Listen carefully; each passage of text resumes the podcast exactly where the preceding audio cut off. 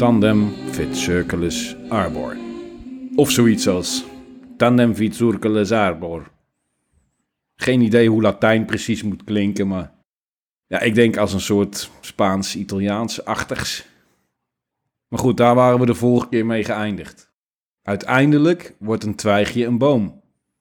Het devies van Maurits, zijn motto. Een stukje symboliek. Zijn vader was vermoord. Dit gaf hem een opdracht, een verplichting. Wraak nemen, onder andere, maar ook en vooral zijn werk voortzetten. Dynastieke continuïteit, zeg maar. Iets wat ons tegenwoordig weinig meer zegt. Het Huis van Oranje heeft nu niet meer dan een ceremoniële functie. In de 16e en 17e eeuw lag dat anders. Niet alleen binnen het Huis van Oranje of in Nederland, dat was overal zo. Nederland viel wat dat betreft nog mee. Was een van de eerste republieken. Er werd hier wellicht al meer gekeken naar wat je kon dan naar wie je was. Meer dan in de rest van Europa. Maar toch, mensen geloofden sterk in klassenverschillen, ook hier. In dynastieën. In het idee dat edellieden, nobelen, ook edel en nobel zijn. En dat hun nakomelingen uit datzelfde hout gesneden zijn en dezelfde bijzondere eigenschappen bezitten. Gewone mensen, burgers geloofden erin, en de edelen zelf ook. En laten we wel zijn, een man als Maurits had natuurlijk ook een streepje voor op de gemiddelde burger. Niet dat hij beter, slimmer of sterker geboren werd, maar wel qua ontwikkeling, door de ruime toegang tot kennis en educatie die hij had. En niet te vergeten de fysieke gezondheid, door gevarieerde voeding en lichamelijke oefening. Het zorgde voor een voorsprong op de gemiddelde burger natuurlijk. Een privilege in de ware zin des woords. Maar het bracht ook een grote verantwoordelijkheid met zich mee. En een verwachtingspatroon. Minder dan het beste was niet genoeg. En terecht dus. Maar dat moest wel even waargemaakt worden. Edelen dienden op militair gebied te leiden, het voortouw te nemen en te excelleren. Er even van uitgaande dat dit ondanks hun elitaire opvoeding vaak normale mensen waren, net als wij, met gevoelens en twijfels, lijkt me dat nogal een verantwoordelijkheid. Dit waren geen machines, maar mensen. Ook Maurits. En hoe dan ook, hoe die zich er ook onder voelde, of hij het met kalme vastberadenheid deed of met twijfel, onze Maurits nam zijn verantwoordelijkheid. De verantwoordelijkheid om de schoenen van zijn vader op te vullen, om in zijn voetsporen te treden. En om dat te symboliseren, om dat uit te dragen, werd Maurits afgebeeld bij een afgezaagde boomstronk. Die stond voor zijn vermoorde vader. Een twijgje ontspruit aan de boomstronk en split zich in tweeën. Deze twijgjes symboliseren de zonen van Willem van Oranje, Frederik Hendrik en Maurits. In de vroegste voorstellingen betreft het nog een kleine twijg, die langzaam groter en groter groeit, totdat ook Maurits zou uitgroeien tot een boom. Dit was zijn belofte, zijn lijfspreuk. Maar zou hij die ook waarmaken? Lang zou hij niet hoeven te wachten op zijn kans. Want op de dag van zijn achttiende verjaardag werd hij benoemd tot stadhouder van Holland en Zeeland. En kreeg de titel Prins van Oranje. Dat gaf hem in de Nederlanden veel aanzien. De zoon van Willem van Oranje, de hoop van het vaderland. Alle ogen waren op hem gericht. Door zijn benoeming tot stadhouder kreeg hij ook politieke macht. Hij kon regenten benoemen en gratie verlenen aan veroordeelden bijvoorbeeld. Maar politiek interesseerde hem niet. Hij had geen politieke aspiraties. Hij was militair. Daar was hij voor in de wieg gelegd. Daar lag zijn talent en zijn ambitie. Politiek liet hij aan anderen over. Aan Van Oldenbarneveld bijvoorbeeld. Of bijvoorbeeld in het bijzonder. Want dat was nogal een politicus, met een berg ervaring en kennis op dat gebied. Laat de experts vooral doen waar ze goed in zijn, dacht Maurits. Laat mij maar ten strijde trekken. Troepen leiden op het slagveld, dat is mijn ding. En zo geschiedde. De 19-jarige Maurits begon met het leiden van gevechten. En dat deed hij ondanks zijn leeftijd en beperkte ervaring eigenlijk meteen al goed. Zijn uitgebreide theoretische kennis en zijn jarenlange gevechtstraining betaalden zich uit.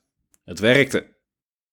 Toen hij wat ervaring opdeed als officier, bleek al snel dat hij een solide tacticus was. Nu was het tijd om ook zijn strategische kennis in de praktijk te brengen. Tijd voor het grotere werk: het veroveren van steden.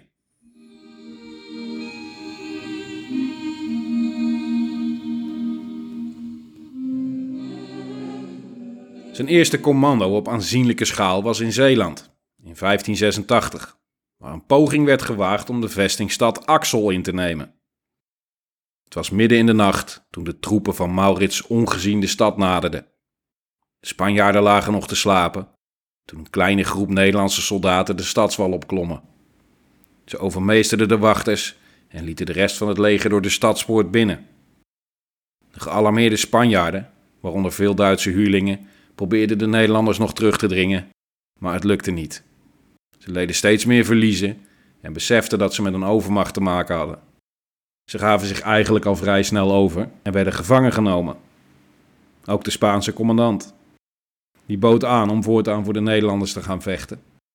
Maurits bedankte vriendelijk voor het aanbod, maar gaf aan dat hij geen onoplettende soldaten nodig had.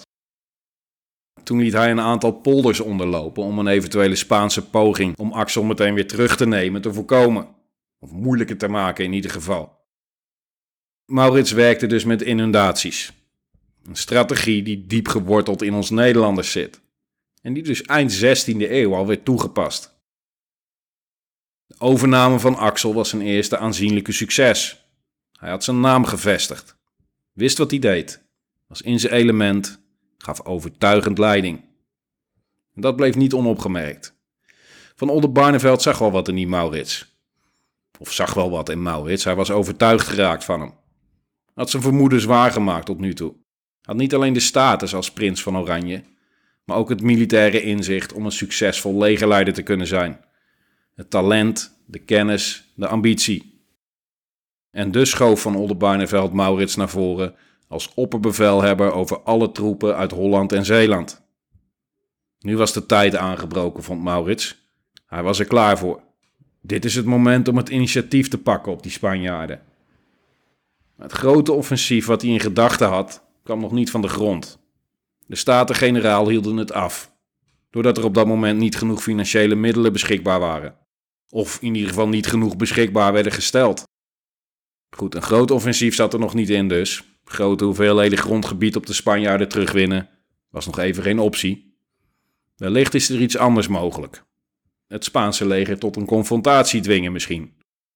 Want die, het Spaanse veldleger, onder leiding van een oude bekende, de hertog van Parma, bevond zich in de door de Spanjaarden veroverde gebieden en vormde een bedreiging voor de republiek. Dus besloot Maurits zich in bezet gebied te wagen, om zelf middelen te verzamelen door middel van rooftochten en ook om de hertog van Parma uit zijn tent te lokken. Maar die beet niet. De Spanjaarden hadden andere dingen aan hun hoofd, want ondertussen was er een belangrijke ontwikkeling geweest. Een gunstige ontwikkeling voor Nederland. In 1588 was de Spaanse invasie van Engeland mislukt. De Spaanse armada was verslagen voor de Engelse kust. Het had ze een hoop mensen, materiaal en schepen gekost, aanzienlijke reputatieschade en heel veel geld. Philips II, ik heb het eerder gezegd, wijde zijn bestaan aan het bestrijden van protestanten. En overal zaten ze, dus overal bestreed hij ze. In Frankrijk waren de Hugenotenoorlogen aan de gang.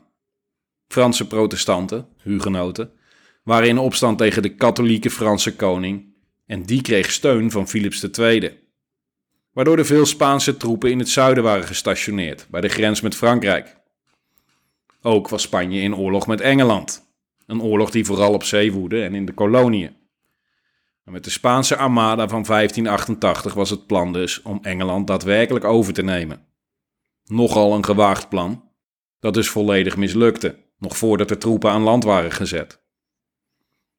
Maar goed, hij, Philips II, was dus overal protestanten aan het aanvallen, waardoor zijn focus niet volledig op Nederland lag.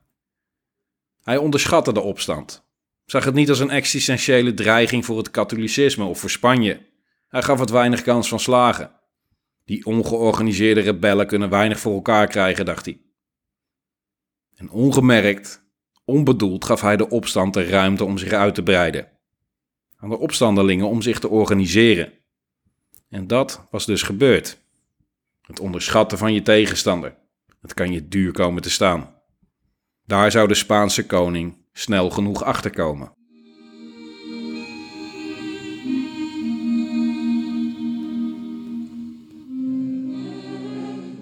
Dat ze op meerdere fronten moesten vechten, zorgde ervoor dat Spanje dus overal troepen nodig had. En ze over grote gebieden moest uitsmeren, waardoor ze hun numerieke overwicht vaak niet of niet voldoende konden uitbuiten. Zodat ze op veel plaatsen in de lage landen net genoeg troepen hadden of net te weinig. Het was steeds net genoeg geweest. Maar dat was voordat Maurits in beeld kwam. En voordat er een staatsleger op de been was, wat ze met gelijke aantallen zou kunnen verslaan. Zover was het echter nog niet. We zitten voorlopig in het jaar 1588.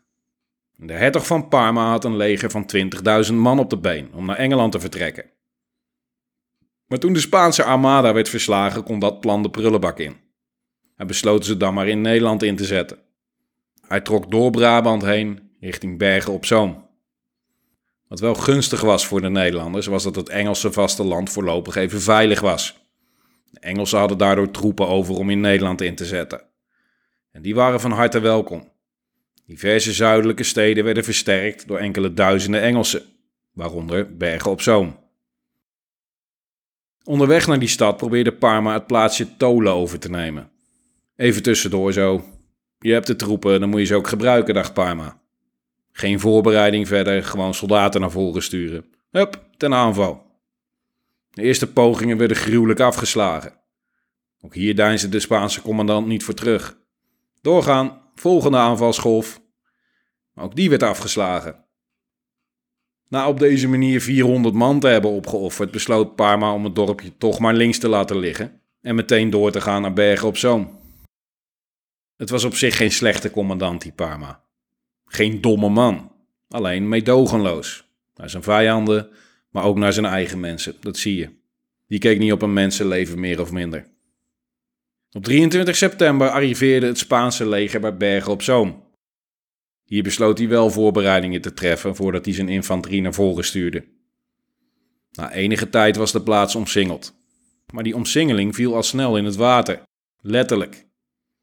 Want de verdedigers braken de dijken door en lieten het land onderlopen. Met uitzondering van enkele verhoogde punten stond het hele land onder water. Nu werden er uitvallen gedaan tegen de Spaanse troepen, terwijl ze loopgraven en ravelijnen aan het aanleggen waren. Een aantal van die uitvallen waren succesvol, waardoor de Spanjaarden gedwongen werden om zich terug te trekken en veel voorraden, gevangenen en uitrusting verloren. Tijdens een van deze uitvallen raakte de jonge Francis Veer gewond aan zijn been door een hellebaard. Francis Veer, een van de Engelse officieren. Onthoud die naam, die gaan we nog regelmatig tegenkomen. Ik ga niet alle Engelse commandanten bij naam noemen trouwens, Nederlandse ook niet, dat wordt te veel. Dat zijn er gewoon te veel.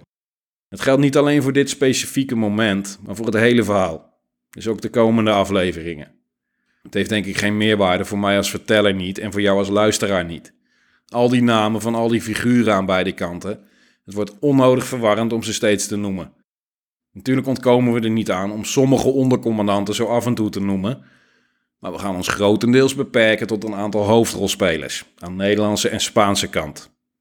En ook aan Engelse kant, want de Engelsen vochten mee in de opstand. Ze vochten trouwens grotendeels aan Nederlandse kant, op een aantal katholieken na, die zich tegen hun landgenoten keerden en aan Spaanse zijde meevochten. Aan Engelse kant is Francis Veer in ieder geval het onthouden waard. We gaan verder. Nederlandse militie-cavalerie onder bevel van lokale handelaren uit Bergen op Zoom deden een uitval op de Spaanse linies en dreven ze terug, helemaal tot aan Wouw, vijf kilometer oostelijk, waarbij ze een aantal krijgsgevangenen namen. Op diezelfde dag vertrok een kanaalboot ochtends vroeg uit Antwerpen en werd aangevallen door een detachement Engelse troepen. Ze veroverden de boot en vonden 60.000 florijn aan boord. Dat was een enorme klap voor Parma, aangezien hij het geld nodig had om zijn troepen te betalen. Dit was hun soldij. Tijdens een van die uitvallen werden er een aantal rijke Spaanse officieren gevangen genomen en vastgezet bij een Engelse commandant. Die kreeg grote sommen smeergeld aangeboden om de Spanjaarden via de Noordpoort binnen te laten. Ze probeerden hem om te kopen dus. Maar hij zette een list op. Hij deed net alsof hij ermee instemde. De commandanten verlieten onopgemerkt de stad en zworen een eed aan Parma en beloofden dat een grote Spaanse troepenmacht door de Noordpoort de stad kon betreden.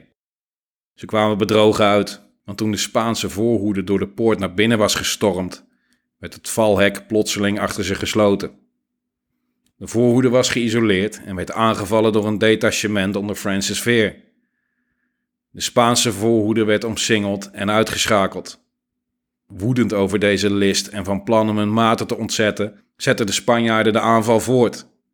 Hun troepenmacht was gesplitst, ze werden van de stadsmuur bestookt en ze werden nu ook nog van twee kanten aangevallen door Engels-Nederlandse troepen, die een furieuze uitval deden. Hevige gevechten volgden, waarna de Spanjaarden werden teruggedreven onder zware verliezen. De list werkte briljant. En het had nog een element. Iets verderop op een dijk lag nog een hinderlaag te wachten op de vluchtende Spanjaarden. Ze zaten nu als ratten in de val.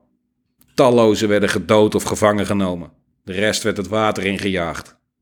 Ze werden compleet verslagen. Honderden werden gedood of verwond en verschillende hooggeplaatste officieren werden gevangen genomen. De Spanjaarden die het water in waren gedreven, werden tot overmaat van ramp verrast door hoogtij. 300 Spanjaarden werden weggespoeld en verdronken. Ja, daar wil ik toch even bij stilstaan, voordat we te snel over dit soort statistieken heen gaan. Kijk, ik ben natuurlijk helemaal voor het verslaan van de Spanjaarden in dit verhaal, maar daar gaat het niet om. In een oorlog als dit, waar jaar in jaar uit tienduizenden mensen een gewelddadige dood sterven, worden het al snel statistieken. Wat Stalin ook zei: de dood van één persoon is een tragedie, de dood van een miljoen is een statistiek. Stalin was een behoorlijk cynisch man, maar het klopt wel, want zo werkt het dus. En daarom is het af en toe goed om even stil te blijven staan bij het persoonlijk drama, even los van de nationaliteit. Puur het feit dat daar honderden jonge mensen vluchtend, in paniek, zijn verzopen, in een gruwelijke doodstrijd waren verwikkeld en op een ellendige manier aan hun einde kwamen. Geschiedenis is interessant om meerdere redenen, maar voor mij staat dit bovenaan. De beleving van mensen, gewone mensen in extreme situaties die bijzondere dingen hebben meegemaakt. Dat zijn soms glorieuze avonturen, heroïsche overwinningen, maar ook dit. Op een tragische, pijnlijke en eerloze manier aan je einde komen. Je ergste nachtmerrie, je diepste angst. Oorlog is dat. Ook deze oorlog, 400 jaar geleden.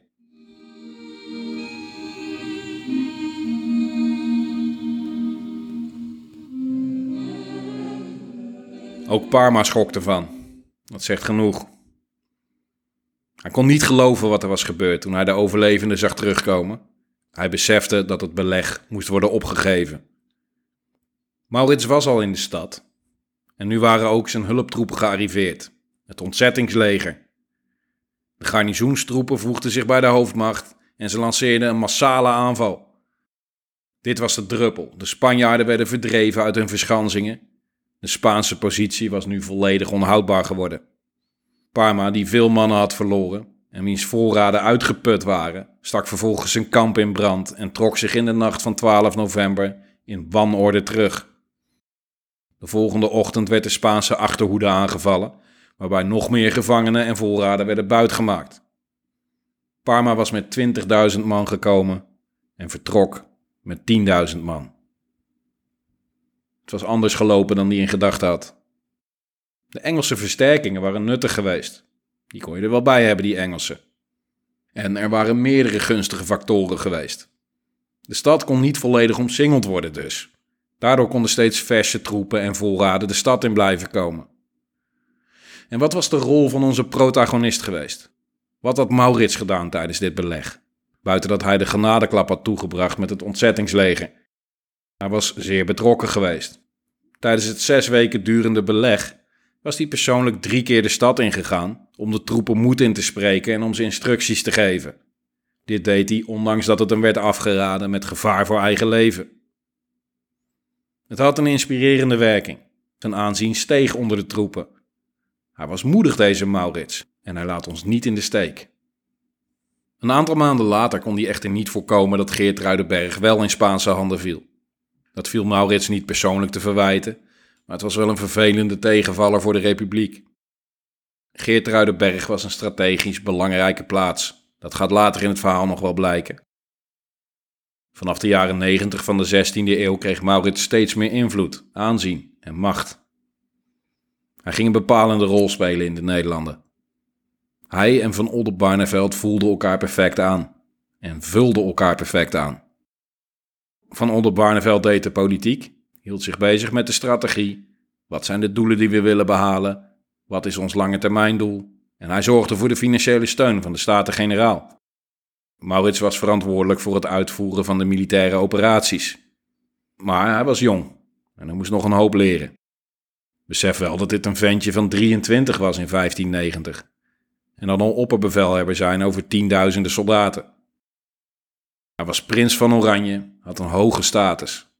Maar hij was ook leergierig, was niet arrogant, luisterde goed, was toegankelijk voor andere meningen en inzichten. En hij stond open om nieuwe dingen te leren.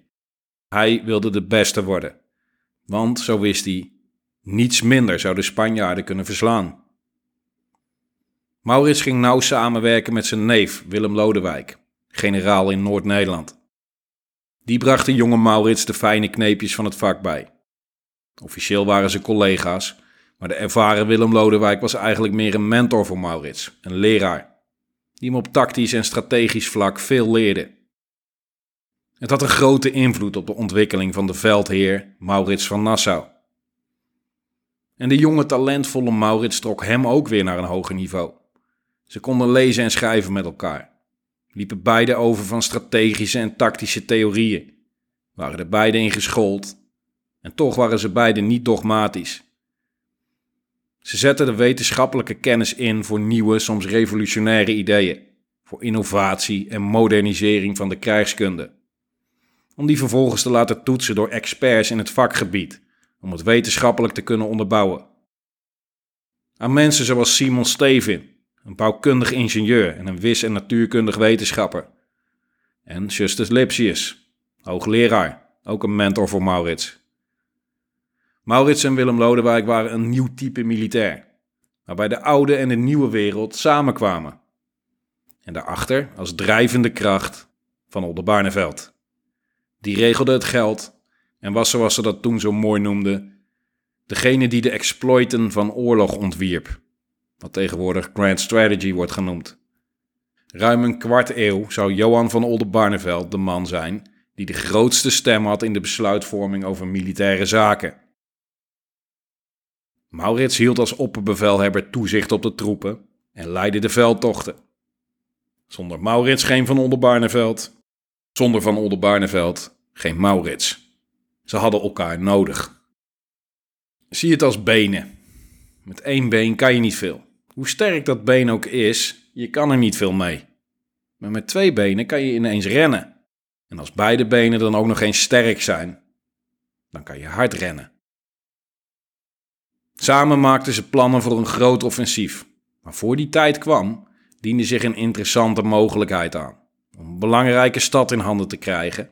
En niet door grootschalig bloedvergieten, maar met een list. In februari 1590 werd Maurits benaderd door een schipper, Adriaan van Bergen. Die vervoerde regelmatig turf naar de stad Breda. Omdat hij een bekend figuur was daar, werd hij niet meer gecontroleerd door de Spaanse wachters. En daardoor kon hij dus ook troepen naar binnen smokkelen, als het paard van Troje. Maurits en Van Oldenbarneveld zagen er wel wat in. En dus werd het plan uitgewerkt en in gang gezet. Van Bergen kwam eerst niet opdagen en kwam uiteindelijk straalbezopen toch. Hij had plankenkoorts gekregen op het laatste moment op 3 maart in de avond voeren ze Breda binnen. Rond middernacht kwamen de soldaten geruisloos tevoorschijn uit het schip. De bezetters van het kasteel werden volledig verrast en overrompeld, ondanks dat ze met 600 man waren en de aanvallers maar met 70. Het verrassingselement, het werkte als een zonnetje. De bezetters begonnen te vluchten, hadden geen enkel overzicht en geen enkele grip op de situatie meer. Een gedeelte werd gedood, een ander gedeelte werd gevangen genomen. De dag daarna werden de stadspoorten opengezet en trok Maurits Breda binnen, waarna de overgebleven verdedigers zich definitief overgaven. De Spanjaarden waren in shock en woedend. Ze deden direct een poging om de stad weer te heroveren. Maar Van Oldenbarneveld had meteen versterking gestuurd en de stad laten bevolraden. Hierdoor werd voorkomen dat Breda direct weer in Spaanse handen zou vallen. Het plan had gewerkt. De inname van Breda vestigde definitief Maurits' reputatie als krijgsheer. Het was een groot succes. En het luidde een nieuwe periode van de oorlog in. Want een opstand, een oorlog, heeft een aantal dingen nodig. Het begint met een idee natuurlijk, een gevoel, een tendens. De wil om vrij te zijn, de noodzaak. En die was er dus. Dan moet er het een en ander georganiseerd worden. De verschillende belanghebbende partijen, in dit geval de provincies, moeten zich verenigen. Dat was ook gebeurd. Dan is er geld nodig. Veel geld om legers op de been te brengen en te houden. Om ze te bewapenen en uitrusting te kopen. Maar wat het ook nodig heeft om dit op lange termijn vol te houden, om het nut ervan te blijven inzien, is succes, overwinningen, toekomstperspectief, hoop. Vergeet niet dat de opstand op dat moment al ruim twee decennia aan de gang was. En de militaire successen hielden niet over. Ze waren er geweest, sporadisch. Onder andere de Geuzen hadden wat overwinningen behaald, bij Den Briel onder andere. Het beleg van Leiden had een jaar geduurd en werd uiteindelijk ontzet. Er werden soms overwinningen behaald. Er werden steden ingenomen, maar die waren ze dan vaak net zo snel weer kwijt. Dat Spaanse leger was een taaie vijand. Professioneel, met veel ervaring. Moeilijk te verslaan. Het ging nog heel veel meer van de Nederlanders vergen om die er uiteindelijk onder te krijgen. En daarom was er succes nodig. Een positieve impuls. En dat was de inname van Breda. Een boost voor het moreel van het leger, het volk en de Staten-Generaal. Want die, de Staten-Generaal, begonnen nu het enthousiasme van Van Oldenbarneveld over deze jonge Maurits te delen. Ze zagen de mogelijkheden en daar was hun steun voor nodig, beseften ze. En dus besloten ze meer geld voor het leger ter beschikking te stellen. Dit was mede mogelijk door de groei van de economie en de schatkist. Er was meer geld en er werd meer geld beschikbaar gesteld. En dat was het begin van het succes van Maurits. En het begin van het succes van de lage landen in de 80-jarige oorlog. Een kantelpunt, het moment dat het ineens begon te lopen. De mogelijkheden voor een groot offensief waren geopend.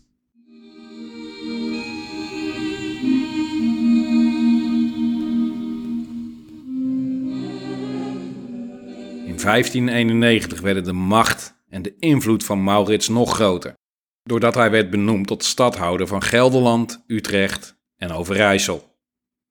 En hij was al stadhouder van Holland en Zeeland. Dat betekende dat alle troepen van vijf opstandige provincies nu onder zijn directe bevel stonden. Vanaf dat moment kunnen we spreken van een daadwerkelijk staatsleger, een vereniging van de strijdkrachten, de militaire kracht van de provincies, gebundeld. En er was meer geld. En daar wist Maurits wel raad mee, want hij had grote ambitie voor dit leger. Meer geld betekent meer wapens, betere wapens Troepen kunnen langer in het veld blijven. En het betekende ook meer troepen, beter betaald, op tijd betaald.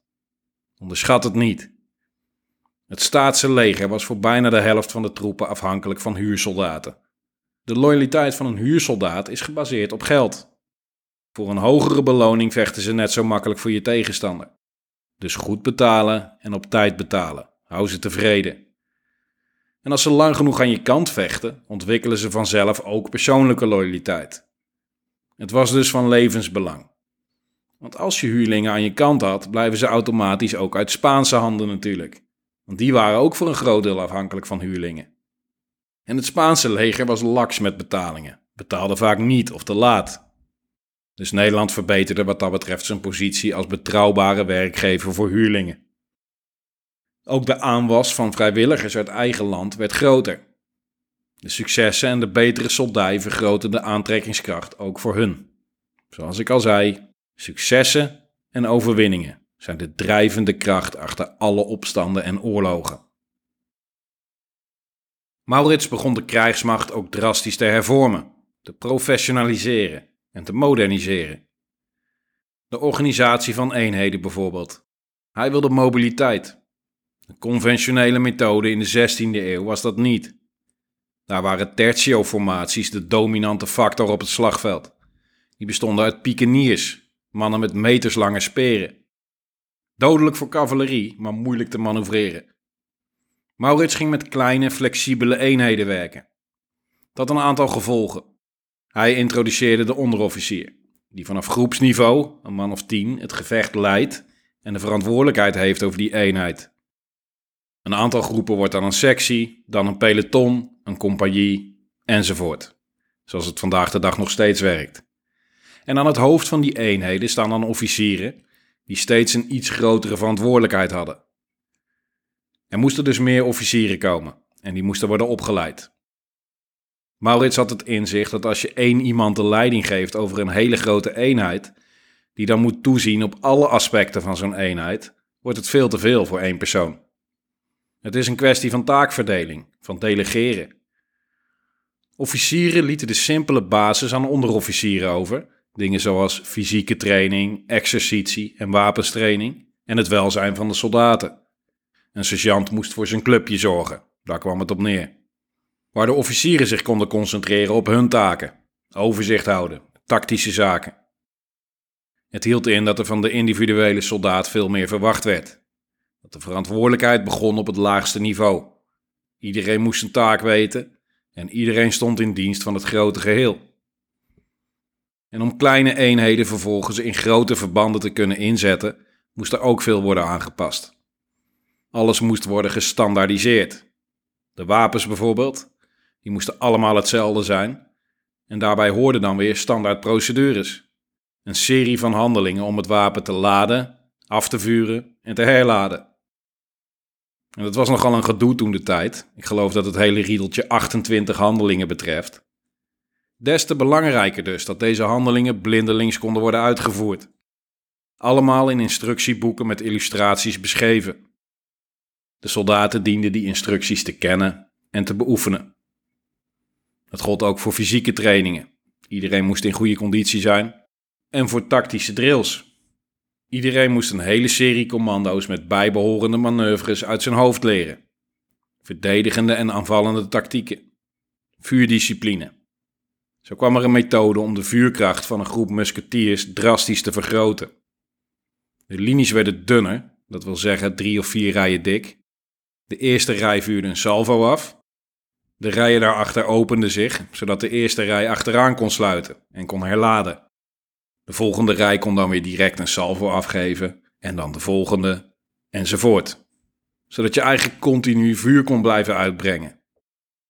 Het klinkt zo logisch, maar om dit te laten werken moest er dus zeer strakke discipline zijn. Iedereen moest blindelings weten wat hij moest doen en het moest eindeloos beoefend worden. De instructies moesten duidelijk kunnen worden gecommuniceerd door de rangen. Dus ook de communicatie werd verbeterd. Er werden afspraken gemaakt over signalen en het werd getest of het ook werkte. Er werd, zoals ik al zei, dus veel gevraagd van de individuele soldaat, van de hoogste tot de laagste rang. Het leger ging volledig op de schop. Dit was andere koek. En dit is slechts een tipje van de sluier. Er werden op alle niveaus tot in de kleinste details standaard procedures en drills ingesteld. En Maurits wist door deze drastische professionalisering de gevechtswaarde van zijn leger in hoge mate te vergroten. En dan hoor je dit alles aan en dan denk je waarschijnlijk: ja, zo hoort het. Zo moet je ongeveer een leger organiseren. Logisch toch? Maar je moet je voorstellen dat dit in die tijd zelden vertoond was. De laatste die deze mate van structuur in hun krijgsmacht hadden, waren de Romeinen. En Maurits ging zijn leger ook ongeveer op die Romeinse manier organiseren. En hij deed er een schepje bovenop. Hij vulde het aan met nieuwe inzichten en moderne methodes. Hij was de eerste die de middeleeuwse methodes achter zich liet. En alle succesvolle legers daarna waren gebaseerd op dit concept. Het leger van koning Gustav in Zweden bijvoorbeeld, maar ook dat van de Pruisen onder Frederik de Grote en van de Fransen onder een Napoleon. Want zo zou blijken, het werkte. Het leger werd een geoliede machine. Met een sterke teamgeest, fitte en gezonde soldaten en capabele officieren. Het Nederlandse leger werd op deze manier de eerste moderne krijgsmacht. Die verrassend veel elementen heeft die nu nog steeds actueel zijn. De instructieboeken werden ontdaan van militaire geheimen vertaald in diverse talen en vervolgens door heel Europa verkocht. En die vonden gretige aftrek. De modernisering van het leger onder Maurits had een enorme impact. Dusdanig dat het kan worden omschreven als een militaire revolutie. De volgende keer gaan we verder. Als Maurits de hervormingen binnen zijn leger in de praktijk gaat brengen. Er liggen plannen voor een groot offensief. En dat gaat hij leiden. Hij heeft talent, zoveel is duidelijk. Heeft al wat overwinningen behaald. Maar nu gaat het erom spannen. Als hij zijn versterkte leger in het veld brengt voor een grote veldtocht. Voor het eerst dat hij op die schaal gaat opereren. Het doel is om de Spanjaarden uit Oost-Nederland te verdrijven. De waterwegen in handen krijgen, de grote rivieren. En daarin is Nijmegen cruciaal. Dat wordt het hoofddoel. Maar dat is dus voor de volgende aflevering. Waarin we Maurits en zijn leger zullen volgen in hun krijgsverrichtingen. Die zich afspelen in de jaren 90 van de 16e eeuw. Een tijd van oorlog en beproeving voor ons land. Van belegeringen en veroveringen. Van tirannie, inquisitie, vervolging. En van Spaanse commandanten met de machtige legers die ons land onveilig maakten. Maar er is hoop, want wij hebben Maurits.